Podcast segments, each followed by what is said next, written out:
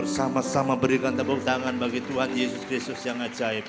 Haleluya. Silahkan duduk Bapak Ibu yang diberkahi Tuhan semuanya. Shalom. Selamat siang kita berjumpa dalam kasih Kristus. Selamat datang bagi yang liburan. Selamat datang kembali ke kota Bengkulu.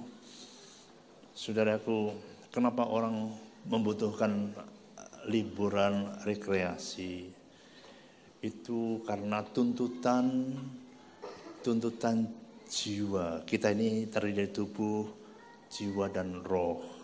Tubuh kita butuh makan, butuh minum, makan nasi, uh, minum air supaya kita sehat, kita kuat. Namun jangan lupa kita punya kita punya jiwa. Jiwa itu menuntut kita untuk tenang, tentram.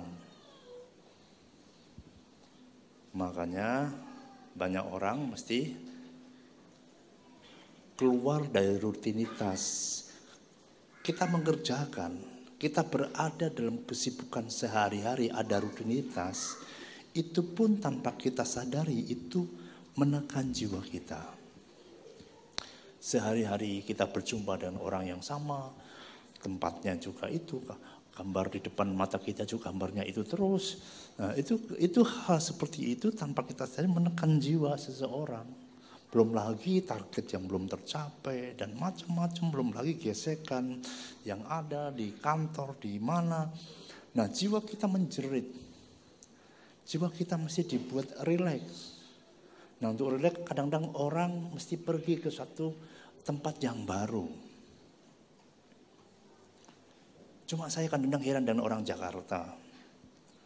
Udah tahu puncak itu macet. Setiap Jumat mesti mereka ada waktu senggang mereka naik pergi ke puncak. Naik nggak bisa turun nggak bisa. Lalu mulai saudaraku ada orang nyalip ngamuk-ngamuk saudaraku. Pulang-pulang berobat darah tingginya kambuh. Kenapa? Karena stres.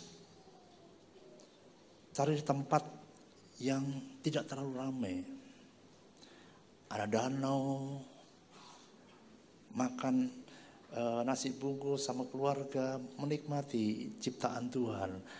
Ada pantai yang indah, ada gunung yang tinggi, sudah nikmati. So, liburan ke mall, pusing kepala saudaraku. Ya. Pasti sudah tekanan darah tinggi naik karena kredit kartu kredit juga pasti naik. Ya. Dan jangan dipaksakan kalau nggak punya uang dan badannya nggak sehat ya udah relax saja gitu loh cari tempat di belakang rumah kayak atau apa. Ya. Yesus sering rileks di Taman Getsemani. Dia menyendiri. Dia berkomunikasi dengan Bapaknya. Daud, dia mengajak jiwanya untuk memuji Tuhan. Tapi jangan lupa, kita juga ada unsur roh. Roh mesti kasih makan, makanan roh kita firman Tuhan. Dan hari ini, engkau mengizinkan membiarkan rohmu dikasih makan firman Tuhan. Maka hati mesti dibuka, biarkan firman Tuhan bekerja, maka rohmu akan jadi kuat. Boleh katakan amin? Nah, saya akan sampaikan firman Tuhan, eh, bagaimana tujuan Tuhan memanggil kita. Tuhan itu punya maksud, kenapa dia panggil kita? Emangnya Tuhan gak ada gawe? Lalu dia panggil kita ada apa? Kita juga juga bukan orang yang hebat kok. Kita bukan orang juga bukan orang yang baik di dunia ini. Di luar oh, banyak orang yang lebih baik dari kita. Lebih banyak orang yang pinter daripada kita. Kenapa Tuhan panggil kita? Jawabannya, inilah yang namanya kasih karunia itu seperti ini. Jadi engkau diselamatkan karena kasih karunia Tuhan, bukan karena kehebatan kita. Di luar lebih banyak orang yang hebat dari kita. Maka orang kesan tidak boleh sombong. Karena orang Yahudi menolak Yesus, menolak Mesias, maka anugerah keselamatan itu ditawarkan kepada bangsa-bangsa lain. Itu anugerah. Lalu apa sih yang membedakan kekristenan dengan kepercayaan yang lain. Seringkali orang berkata, agama kan sama saja, mengajarkan yang baik. Betul. Semua agama mengajarkan yang baik, tapi agama itu tidak menyelamatkan. Agama Kristen pun tidak menyelamatkan. Yang menyelamatkan Yesus Kristus, Juru Selamat manusia. Jadi kalau orang Kristen nggak terima Yesus, juga nggak selamat. Mendingan orang Buddha tapi hatinya menerima Yesus, dia malah selamat. Karena Yesus datang ke dalam dunia tidak membawa agama Kristen, tidak membangun agama, tidak. Dia datang ingin menyelamatkan manusia. Nah, yang membedakan kekristenan dengan kepercayaan yang lain itu di sini. Kalau kepercayaan yang lain itu manusia mencari Tuhan. Kenapa manusia masih berusaha mencari Tuhan? Karena manusia itu punya roh. Dan roh itu akan dia akan terus berusaha untuk ketemu dengan sang kalik yang menciptakannya. Karena manusia itu seperti domba. Domba itu yang gampang tersesat. Tanpa gembala, gembala domba pasti tersesat. Karena ini binatang yang yang betul-betul dia hanya kuat di pendengaran tapi tidak kuat di penciuman. Dia lemah. Selalu dibiarkan pasti hilang. Pasti nyangkut di semak-semak. Nah ketika manusia jatuh dalam dosa itu seperti domba yang berjalan masing-masing mencari jalannya masing-masing. Sedang kita mengatakan jalan yang disangka orang benar, namun ujungnya adalah maut. Maka orang untuk memenuhi jeritan rohnya ketemu sang kalik, manusia berusaha untuk ketemu mencari Allah. Ada yang mencari Allah dengan cara sendiri, dia pergi ke hutan untuk bersemedi, mencari ketenangan batin. Ada yang untuk ketemu dengan Allah. Kalau di daerah Tibet sana, saudaraku, India, dekat Nepal sana, orang-orang mau mencari Allah, mencari Tuhan, pergi ke suatu kuil, tapi untuk sampai ke sana itu tidak jalan kaki, tidak boleh pakai motor, mesti merangkak. Bahasa Jawanya itu glosor, tiarap gitu loh. Tangannya dikasih bantalan, kakinya kasih bantalan, mereka merangkak terus. Dan itu butuh waktu berminggu-minggu untuk sampai ke kuil itu. Supaya dia bisa ketemu dengan Tuhan, ketemu dengan dewa. Ada orang tertentu, kepercayaan tertentu. Oh untuk bisa ketemu dengan Tuhan kita mesti beramal. Kita mesti jadi orang yang soleh. Orang yang berbuat baik, selalu berbuat baik. Itu yang terlalu ditonjolkan karena itu jalan keselamatan harus berbuat saleh, berbuat baik, berbuat amal supaya bisa ketemu dengan Tuhan. Ada lagi kepercayaan untuk bisa ketemu dengan Tuhan. Ketika dia berjalan, dia lihat ada pohon yang besar, lalu bulu, bulu kuduknya merinding. Dia pikir, ah itu ada Tuhan di pohon. Dia pulang ke rumah, ambil kembang, ambil kemenyan, dibuat sesajen. Lalu dia minta sesuatu kepada pohon, karena dia yakin di pohon itu ada Tuhan. Pergi ke satu tempat, ada batu yang besar, lalu bulu kuduknya merinding. Dia pulang ke rumah, ambil kemenyan, ambil uh, bunga-bunga. Lalu di situ buat sesajen, lalu dia minta sesuatu kepada Tuhan. Karena dia yakini di situ ada Tuhan. Itulah kepercayaan yang lain. Manusia mencari Tuhan. Tetapi kekristenan bukan manusia mencari Tuhan, tetapi Tuhan yang mencari manusia. Katakan amin. Kita berikan tepuk tangan. Ini yang membedakan kita dengan yang lain. Ya. Ayatnya di dalam kitab Injil Yohanes pasal 15. Kitab Injil Yohanes pasal 15.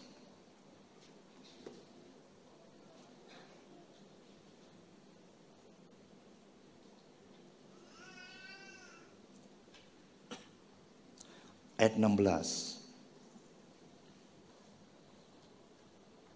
Ayo kita baca bersama-sama jemaat Tuhan di tempat ini. Tiga empat.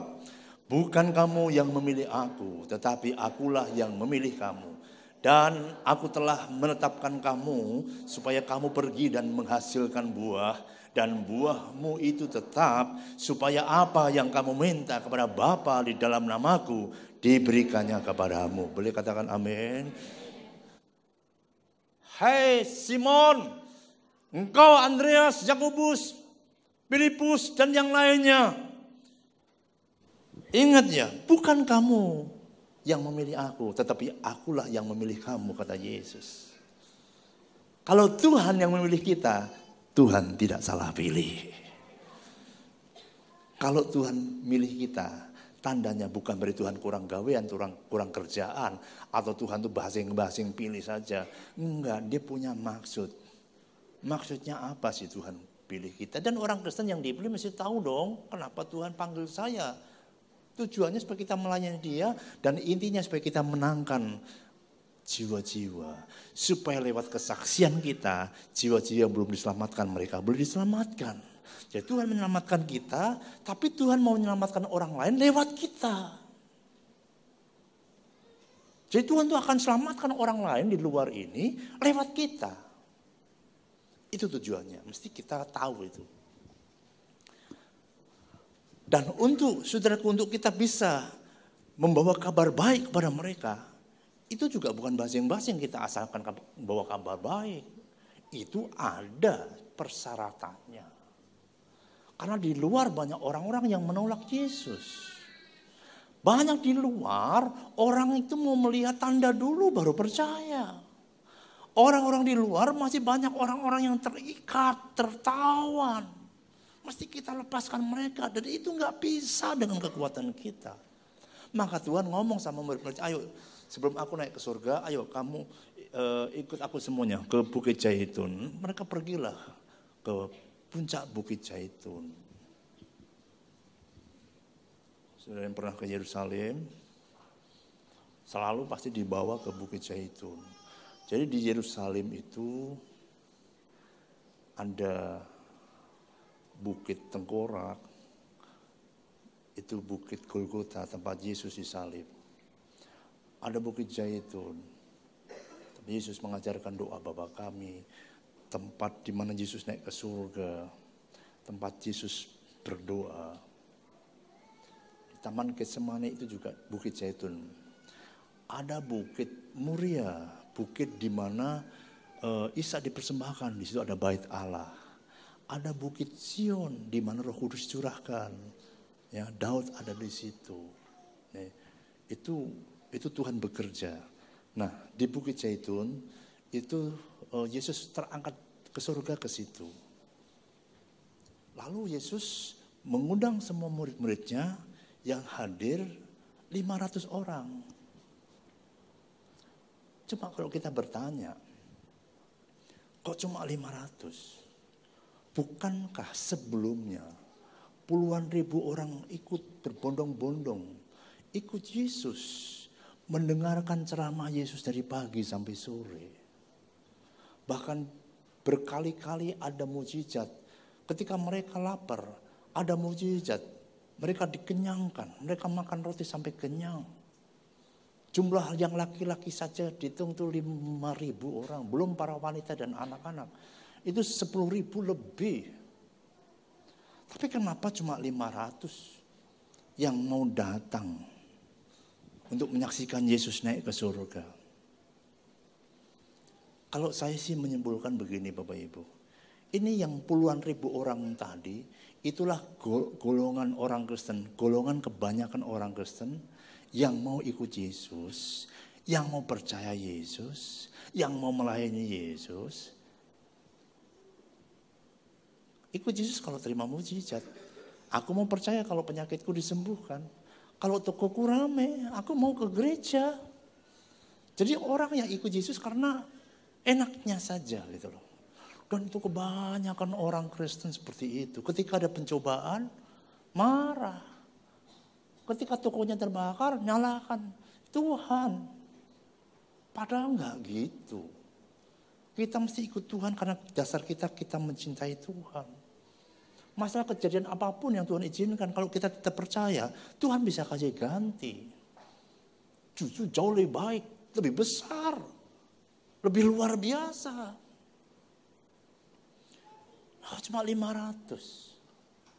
Tapi lebih kaget lagi ketika Yesus ngomong kepada 500 orang ini, gini loh.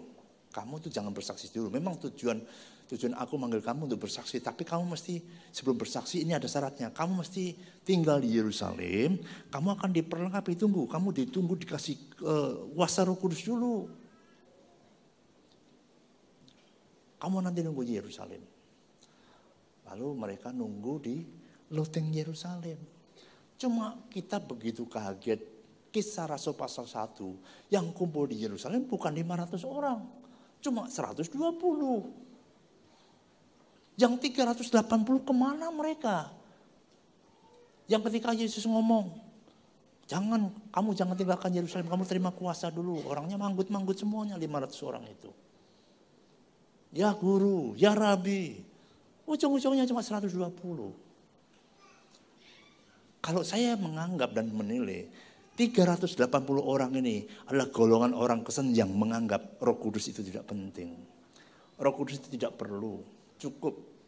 Yang penting saya tahu firman, saya pinter fasilidah, ya, melayani Tuhan itu perlu, fasilidah perlu, otak yang cemerlang dan lain sebagainya. Enggak terlalu penting roh kudus. Maka dia nggak perlu harus doa di loteng Yerusalem. Nah saya berdoa supaya Bapak Ibu yang ada di tempat ini sudah tergolong yang 120 orang tadi yang rindu dipenuhi dengan kuasa roh kudus. Tanpa Tuhan kita tidak bisa berbuat apa-apa. Katakan amin saudara. Ya, berikan tepuk tangan dulu. Haleluya. Mereka berdoa, mereka berpuasa menantikan janji Bapa. Dan roh kudus dicurahkan. Ada angin yang bertiup di loteng Yerusalem Lalu ada lidah-lidah api yang menyala. Dan mereka dipenuhi, ditenggelamkan dengan roh kudus. Dan hidup mereka dipulihkan. Saya sangat percaya 120 orang ini. Inilah cikal bakal gereja yang mula-mula. Dan semuanya 120 orang dipakai Tuhan dengan luar biasa. Cuma tidak disuratkan. Karena kita mengatakan kalau perbuatan Tuhan itu dituliskan. Dunia ini tidak cukup untuk mencatatnya saudara.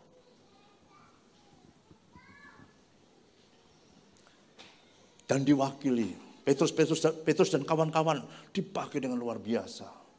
Orang lumpuh didoakan, bisa loncat-loncat. Lalu terus mujizat terjadi begitu luar biasa. Bukan cuma rasul-rasul, ada seorang yang bernama Stefanus, itu para itu cuma seorang diakan, pengerja biasa, tapi dia berani mati untuk Tuhan. Ada seorang yang bernama Filipus. Filipus ini bukan bagian 12 murid Tuhan. Filipus ini seorang diakan, seorang pengerja biasa. Ketika masuk di Samaria, masuk di kota-kota lain, geger Samaria. Orang-orang seluruh kota Samaria berbondong-bondong sujud menyembah Tuhan. Kuasa Tuhan bekerja membaharu dan memakai semua murid-murid Tuhan. Yang dulu bukan apa-apa dan bukan siapa-siapa. Dulu hanya para nelayan yang tidak terpelajar. Saya yakin roh kudus yang sama. Kalau dia bekerja dalam diri orang yang percaya. Tuhan akan pakai saudara anak-anak muda. Ibu-ibu, para pria akan dipakai untuk mengguncangkan dunia ini. Untuk kemuliaan bagi nama Tuhan. Kita berikan tepuk tangan bagi Tuhan. Tuhan pakai banyak cara. Yang jelas ketika roh kudus bekerja, orang itu akan dipakai dengan luar biasa. Untuk membuktikan Yesus itu hidup. Tuhan yang orang Kristen, Tuhan yang berkuasa. Yang ajaib luar biasa. Maut pun dikalahkan. Sekarang pertanyaannya. Kenapa mereka dipakai luar biasa? Roh kudusnya sama. Kita juga dipenuhi roh kudus. Kok kita nggak dipakai seperti mereka? Jawabannya, bukan roh kudusnya yang salah. Jawabannya di sini. Kalau mereka ini ketika dipenuhi dengan roh kudus, lalu mereka menyediakan diri untuk dipimpin oleh roh kudus. Katakan dipimpin oleh roh kudus. Kalau kita cuma dipenuhi roh kudus, kita berbahasa roh, kita pikir kita sudah hebat. Kita lebih rohani katanya daripada orang yang tidak berbahasa roh. Kita lebih hebat. Oh tidak. Tidak ada artinya. Kalau kita cuma dipenuhi dengan roh kudus, kalau tidak dipimpin oleh roh kudus. Kitab Galatia mengingatkan kepada orang-orang yang dipenuhi roh kudus.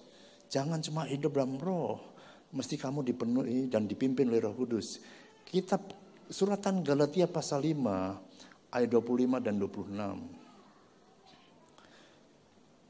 Jikalau kita hidup oleh roh, baiklah, apa saudaraku? Hidup kita juga, ah, jikalau kita hidup oleh roh, baiklah, hidup kita juga dipimpin oleh oleh roh. Dan janganlah kita gila hormat, janganlah kita saling menantang dan saling mendengki.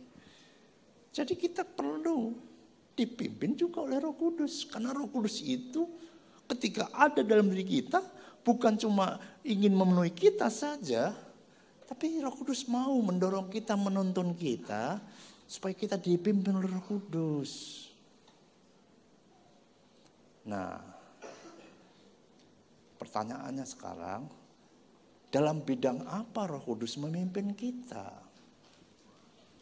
Yang pertama, kalau kita baca di dalam kitab Kisah para Rasul pasal 2 kita akan menemukan ada empat hal di mana Roh Kudus memimpin orang-orang yang percaya pada waktu itu. Kisah pasal 2 ayat 42 sampai 47. Mereka bertekun dalam pengajaran rasul-rasul dan dalam persekutuan. Dan mereka selalu berkumpul untuk memecahkan roti dan berdoa maka ketakutanlah mereka semua sedang rasul-rasul itu mengadakan banyak mujizat dan tanda. Dan semua orang yang telah menjadi percaya tetap bersatu. Dan segala kepunyaan mereka adalah kepunyaan bersama.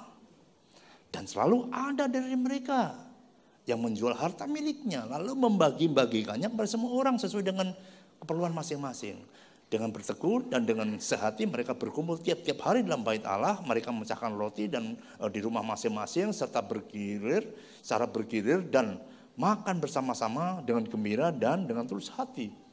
Sambil memuji Allah, mereka ada pujian, ada memuji Allah dan mereka disukai semua orang dan tiap-tiap hari Tuhan menambahkan jumlah mereka dengan orang yang diselamatkan. Wah itu, wah itu sampai Tuhan itu senang dengan model gereja yang kayak gitu, Tuhan tuh nggak sayang loh. Dia akan tambahkan jiwa-jiwa setiap hari loh. Kalau hidup kita mau dipimpin Roh Kudus, kita nggak nggak usah lah minta sama Tuhan setiap hari. Oh, oh kayak ini di, di, di murid ini kan sehari pernah 3000 orang dibaptis. Kita mintalah sama Tuhan sehari satu saja. Pertumbuhan gereja di sini setahun itu 300 50 orang. Setiap tahun kita ada ibadah raya baru. Kalau hidup kita mau dipimpin oleh Kudus. Tetapi saya percaya Tuhan nggak akan mungkin kasih satu setiap hari, pasti lebih. Karena Tuhan sangat sangat excited, sangat senang dengan kehidupan orang Kristen yang mau dipimpin oleh Kudus. Dia pun bergairah untuk mengirimkan jiwa-jiwa. Kesaksian kita itu berdampak. Kita ngajak orang-orang langsung berespon Pertama orang nolak pulang nggak bisa tidur, besoknya langsung dia cari kita. Betul apa yang kamu katakan, saya nggak bisa tidur, saya gelisah.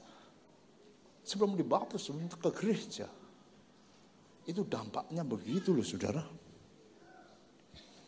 Nah, yuk kita dapatkan intinya ya di sini.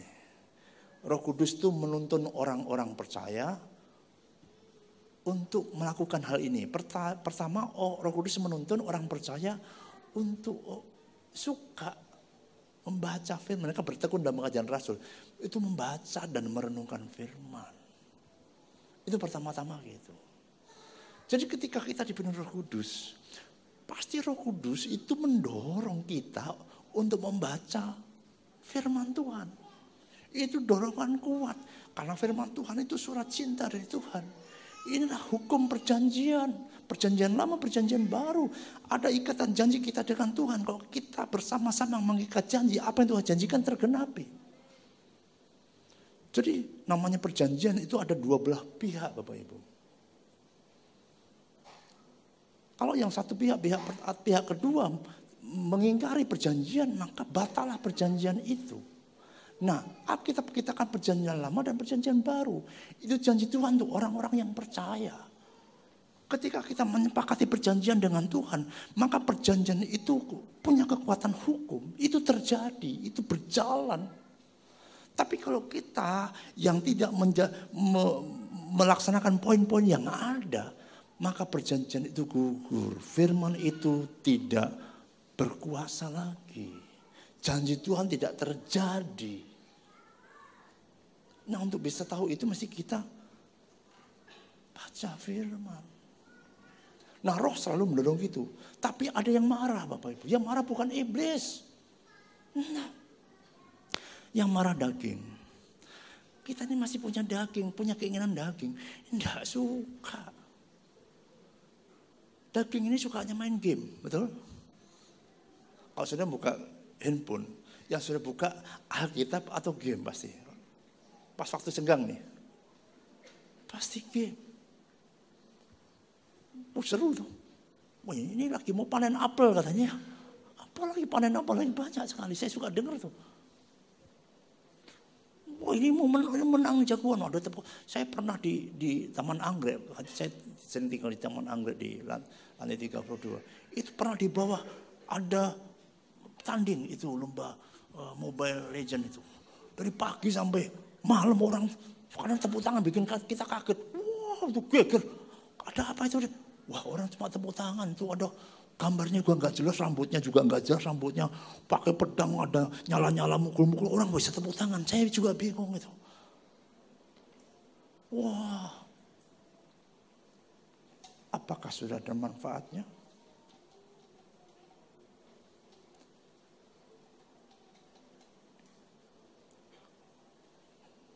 Kalau boleh, kalau sudah nampaknya belum belum bisa bijak dalam menggunakan handphone. Bersihkanlah handphone saudara dari segala bentuk games.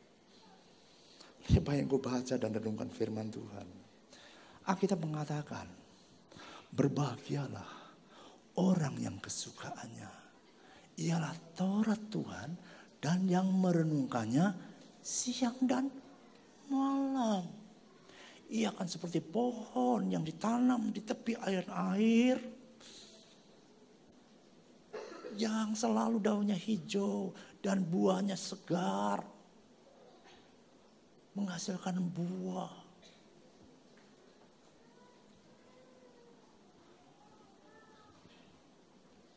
Dan apa saja yang diperbuatnya itu berhasil. Eh musik, nyanyi dulu. Saya lihat saudara itu terlalu serius sekali. Ya.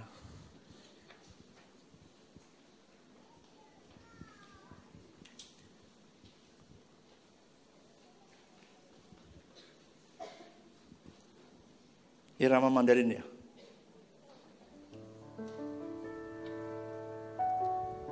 Berbahagialah orang yang kesukaannya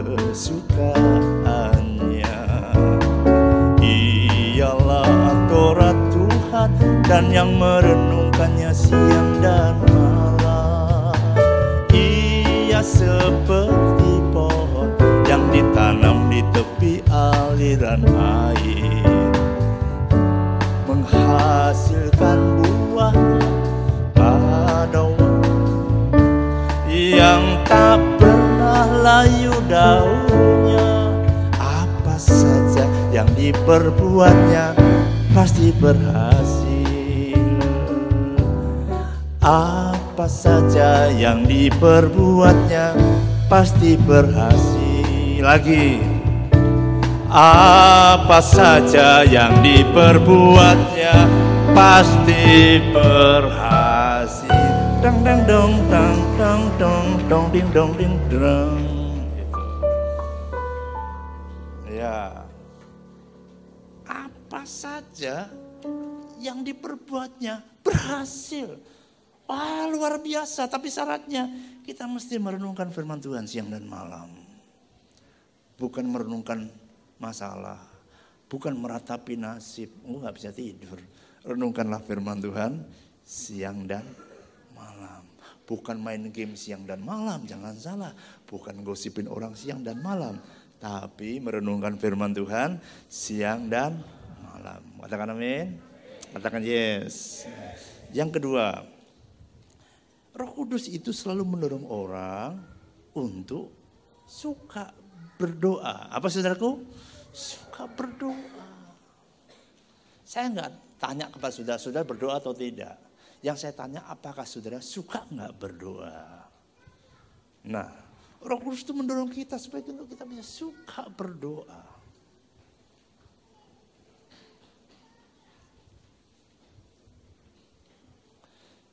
Seandainya engkau mulai pengen berdoa ini, nanti malam waktu mau tidur, sudah minta Tuhan, aku sudah dengarkan firmanmu, aku pengen dipimpin oleh Roh Kudus, aku pengen berdoa Tuhan pada pagi. Kalau sudah bisa doa pagi, itu bagus tuh. Akhirnya mengatakan, Tuhan itu memberikan anugerah yang baru itu setiap pagi. Tapi yang ngambil anugerah itu, itu yang pakai corong itu. Pagi-pagi jam 4 seperempat, kurang seperempat, itu yang bunyi itu, dia ngambil. Dia bilang, Tuhan kalau orang Kristen gak mau, biar untuk saya saja. Ujung-ujungnya kita bangun tidur berkatnya sudah diambil. Kita tinggal remah-remahnya. Yesus sendiri tiap pagi dia itu berdoa. Dia bersekutu kepada Bapa, apa yang Bapa kerjakan, apa Bapa lakukan, dia ikutin.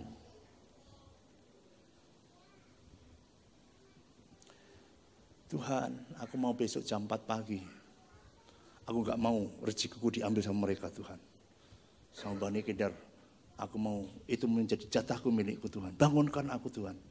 100% saya jamin, 1000% saya jamin. Tuhan pasti bangunkan saudara jam 4 pagi. Entah ada orang teriak di luar atau ada tikus lewat di dek saudara, pokoknya saudara terbangun. Sekarang masalahnya, ketika saudara bangun, ada yang marah, ada yang gak suka. Bukan iblis, daging kita. Ini punya keinginan. Daging itu pengennya tidur terus, pengennya makan yang enak-enak. Ini daging. Untuk doa, tidak mau. Baca firman, tidak mau. Marah dia. Nah masalahnya yang yang lawan yang harus mengatasi itu saudara, bukan Tuhan. Oh itu daging kita, keinginan-keinginan kita, kita yang lawan. Sudah berani nggak lawan?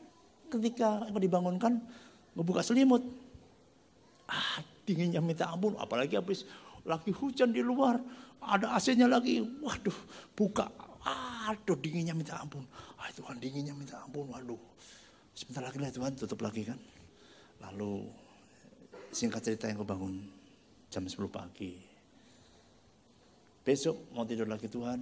Sore ya Tuhan kemarin aduh dinginnya minta ampun. Tapi tolong Tuhan bangunkan lagi Tuhan jam 4 pagi saya mau doa. Saya pengen sekali. Tuhan tuh baik. Pasti dibangunkan jam 4 pagi. Cuma masalahnya siap nggak? Ngelawan dagingmu. Daging itu banyak alasan. Ketika engkau mulai buka selimut, ah lawan tuh uh, cuaca dingin. Tiba-tiba boyoknya pegel badannya, kok nggak enak ya? Aduh, gimana kok minggu dikit kok nggak enak? Ah, Tuhan sorry deh Tuhan, ini boyoknya lagi pegel lagi mau encok nih. Ah, Tuhan istirahat dulu lah, besok-besok lah tidur lagi. Ujungnya besok bangun siang. Masihkah punya nyali? Tuhan bangunkan besok jam 4. Saya percaya ketika saya berdoa Tuhan ya pasti masih mau bangunkan. Mudah-mudahan masih mau. Kalau yang jadi Tuhan itu model model model saya, enggak usah dibangunin aja. Enggak bangun-bangun. Si saudaraku, si. Si itu orang Bali bilang mati gitu loh. Innalillahi kira-kira begitu. Dibangunkan berkali-kali nggak mau bangun ya udah Terus saja gitu loh. Doa ini kan nafas, nafasnya orang percaya. Kamu mau tahan nafasmu. Tahan sampai kapan engkau nggak berdoa. Mati rohani kita, kita mati rohani kita. Tapi kok kita mau sungguh-sungguh.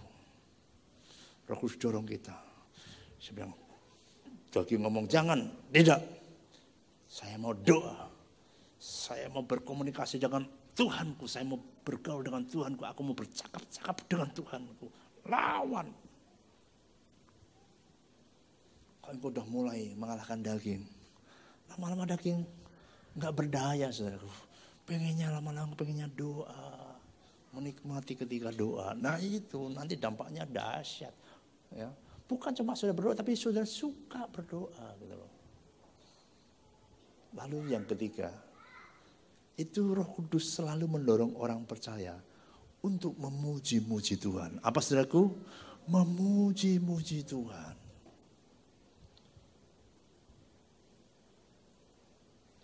Alkitab mengatakan Tuhan bertahta di tengah-tengah pujian. Kalau orang Kristen nggak suka memuji Tuhan, bagaimana yang mengalami hadirat Tuhan? Nggak akan mengalami merasakan hadirat Tuhan. Ini bukan sekedar nyanyian biasa, nyanyian yang keluar dari hati. Hati yang merindukan, hati yang mengasihi Tuhan. Kita naikkan pujian ini. Tuhan hadir. Oh Tuhan hadir, Tuhan akan mengatur semua kehidupan kita, semua kebutuhan kita.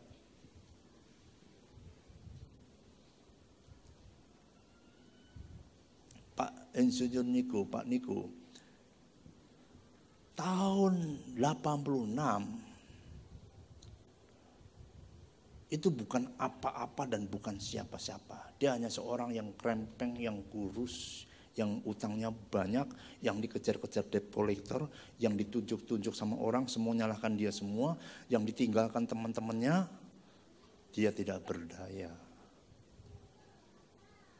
Tapi dia nggak nyalahkan Tuhan, dia nggak nyalahkan keadaan, yang dia ambil itu bagus, tepat sekali. Dia nggak nyalahkan gereja, nggak nyalahkan pendeta, nggak nyalahkan siapa-siapa, nggak nyalahkan ketua selnya, yang dia ambil itu dia ambil gitar. Lalu dia nyembah. Dia menyanyi untuk Tuhan. Tuhan bertata dalam hidupnya. Tuhan membawanya ke Jakarta. Tuhan memakainya dan memberkatinya sampai hari ini. Ke mana pun dia pergi, hadirat Tuhan, tahta Tuhan ada. Karena dia suka memuji Tuhan dengan sungguh-sungguh. Bedanya di situ. Karena Tuhan bertata, apa yang dikerjakannya selalu berhasil. Pak Niko itu kalau mengumpulkan uang, kita perlu membantu untuk mana gitu ya. Perlu berapa miliar, 10 M, 12 M. Ngomong aja sama ketua rayon. Nggak sampai setengah jam, selesai itu. Enak sekali ya. Coba kalau di Bengkulu seperti itu.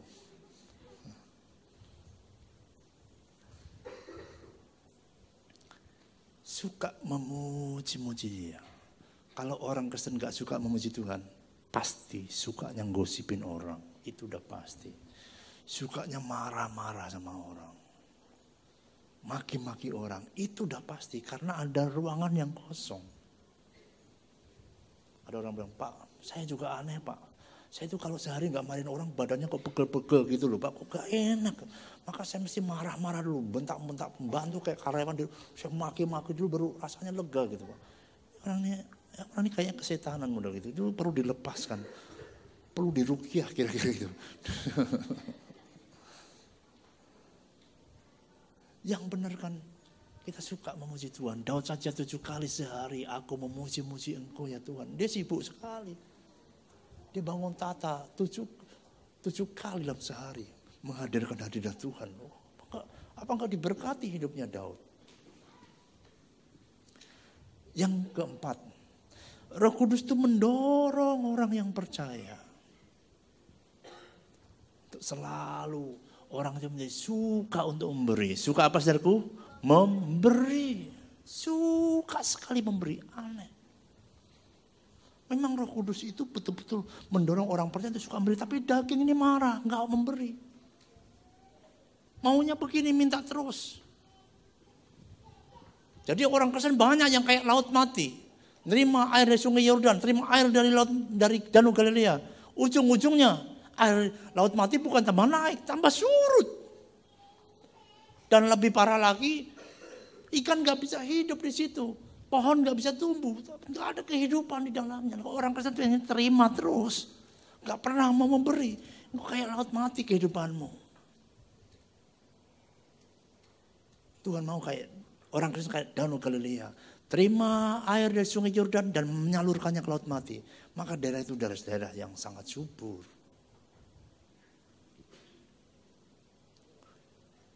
Ada satu gereja di Afrika. Gereja ini terkenal, terkenalnya, terkenalnya bukan pujian penyembahannya, bukan mujizat-mujizatnya. Gereja ini terkenalnya miskin. Kin, kin, kin, kin, kinnya ada empat atau lima. Oh kinnya banyak. Itu berarti miskin banget saudara. Saking miskinnya makan saja susah. Nggak punya uang. Makanya pendetanya itu sayang sama jemaat. Aduh gimana jemaat itu nanti nggak bisa makan. Dia pergilah keluar kota, ke kota-kota tetangga. Di sana dia menceritakan kemiskinan jemaatnya kesusahan jemaatnya, tolong bantu kami, jemaat kami miskin sekali, mereka makan saja susah. Tolong dibantu, banyak orang yang tergerak, memberikan bantuan.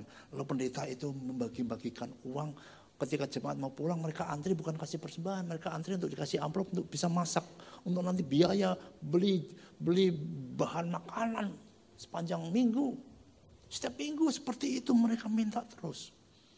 Pendetanya pergi terus minta bantuan. Tolong kami orang yang miskin, kami gereja yang miskin. Jemaat kami miskin. Memang alam nyatanya memang betul-betul miskin. Dia ngomongnya juga nggak salah, bukan bohong. Benar-benar miskin. Suatu saat Tuhan izinkan pintu hati orang-orang itu dikunci semua. Tidak ada seorang pun yang ngasih bantuan. Pendetanya mulai galau, mulai gelisah. Bagaimana nanti jangan-jangan jemaatnya udah dikasih bantuan tapi nggak dikasihkan. Jangan-jangan pendetanya kok macam-macam. Wah dia gelisah. Wah bagaimana. Di saat-saat seperti itu roh kudus ngomong begitu kuat. Eh hambaku sudah saatnya kamu mengajarkan jemaatku untuk memberi untuk pekerjaanku. Pendeta itu nggak percaya. Pemberi bagaimana? Nggak punya uang Tuhan. Masa suruh memberi? Tuhan tuh gimana sih? Roh Kudus makin kuat. Justru di saat seperti inilah engkau mengajarkan jemaat untuk memberi untuk pekerjaanku.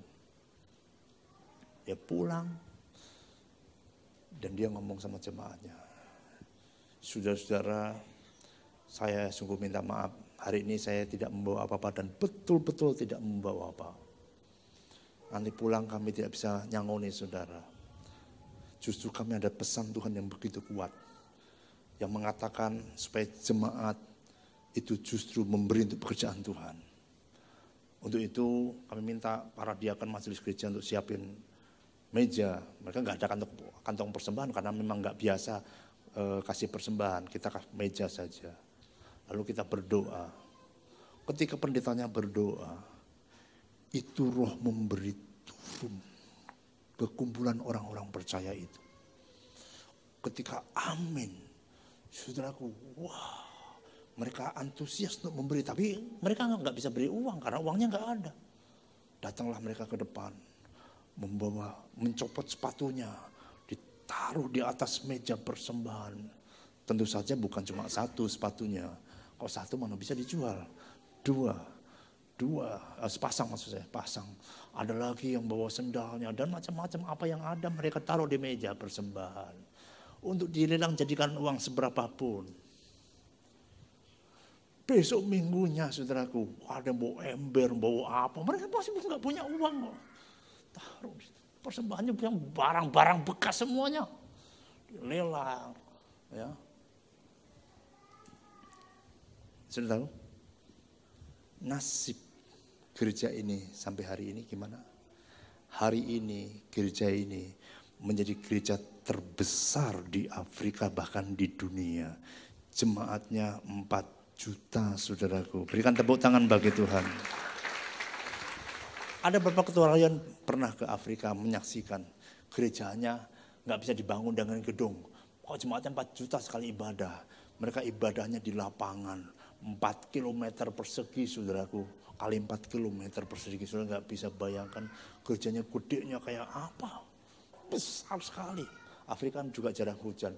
Dan mereka itu uh, ibadahnya di lapangan bibir wah itu orang hitam semua giginya yang putih jangan di surga itu wah penuh dengan mereka gigi yang putih banyak itu mereka kalau dan ibadahnya itu ciri khas ibadah mereka itu ketika pendetanya ngomong ini saatnya kita memberi. Itu loncat dari kursi itu. Wah, teriak. Itu ada klipnya tuh. Suatu saat saya saya tampilkan. Loncat-loncat. Wah, senangnya minta ampun. Wah, semua loncat-loncat bangkit dari kursinya. Kalau kita enggak, mari ini saatnya untuk memberi. Aduh, memberi lagi. Pusing kepala. Ya. Beda kan reaksinya. Mereka loncat-loncat. Ada kalau habis ibadah itu di videonya ditunjukin ada kunci BMW, kunci Mercy. Bukan kuncinya aja, mobilnya ditinggal. Ngeri loh. Kita lihat kok Tuhan mencurahkan berkatnya luar biasa. Karena kalau orang tuh mau dipimpin oleh Roh Kudus, dampaknya Tuhan tidak pernah berhutang. Pelipat gandaan terjadi. Berikan tepuk tangan. Secara ringkas, Dampaknya apa? Dampaknya Alkitab mengatakan semua orang segen. Semua orang respect sama orang Kristen pada waktu itu. Hormat segen. Dan tiap hari Tuhan tambahkan orang yang percaya. Bahkan dalam kitab Injil Yohanes pasal 15 dan 16 dikatakan, apa yang kamu minta kepada Bapa supaya apa yang kau minta kepada Bapa di dalam namaku, kamu pun menerimanya. Artinya, kalau kita mau dituntun oleh Roh Kudus, maka segala cita-citamu, segala doamu dikabulkan sama Tuhan yang baik. Ayo kita berikan tepuk tangan. Haleluya!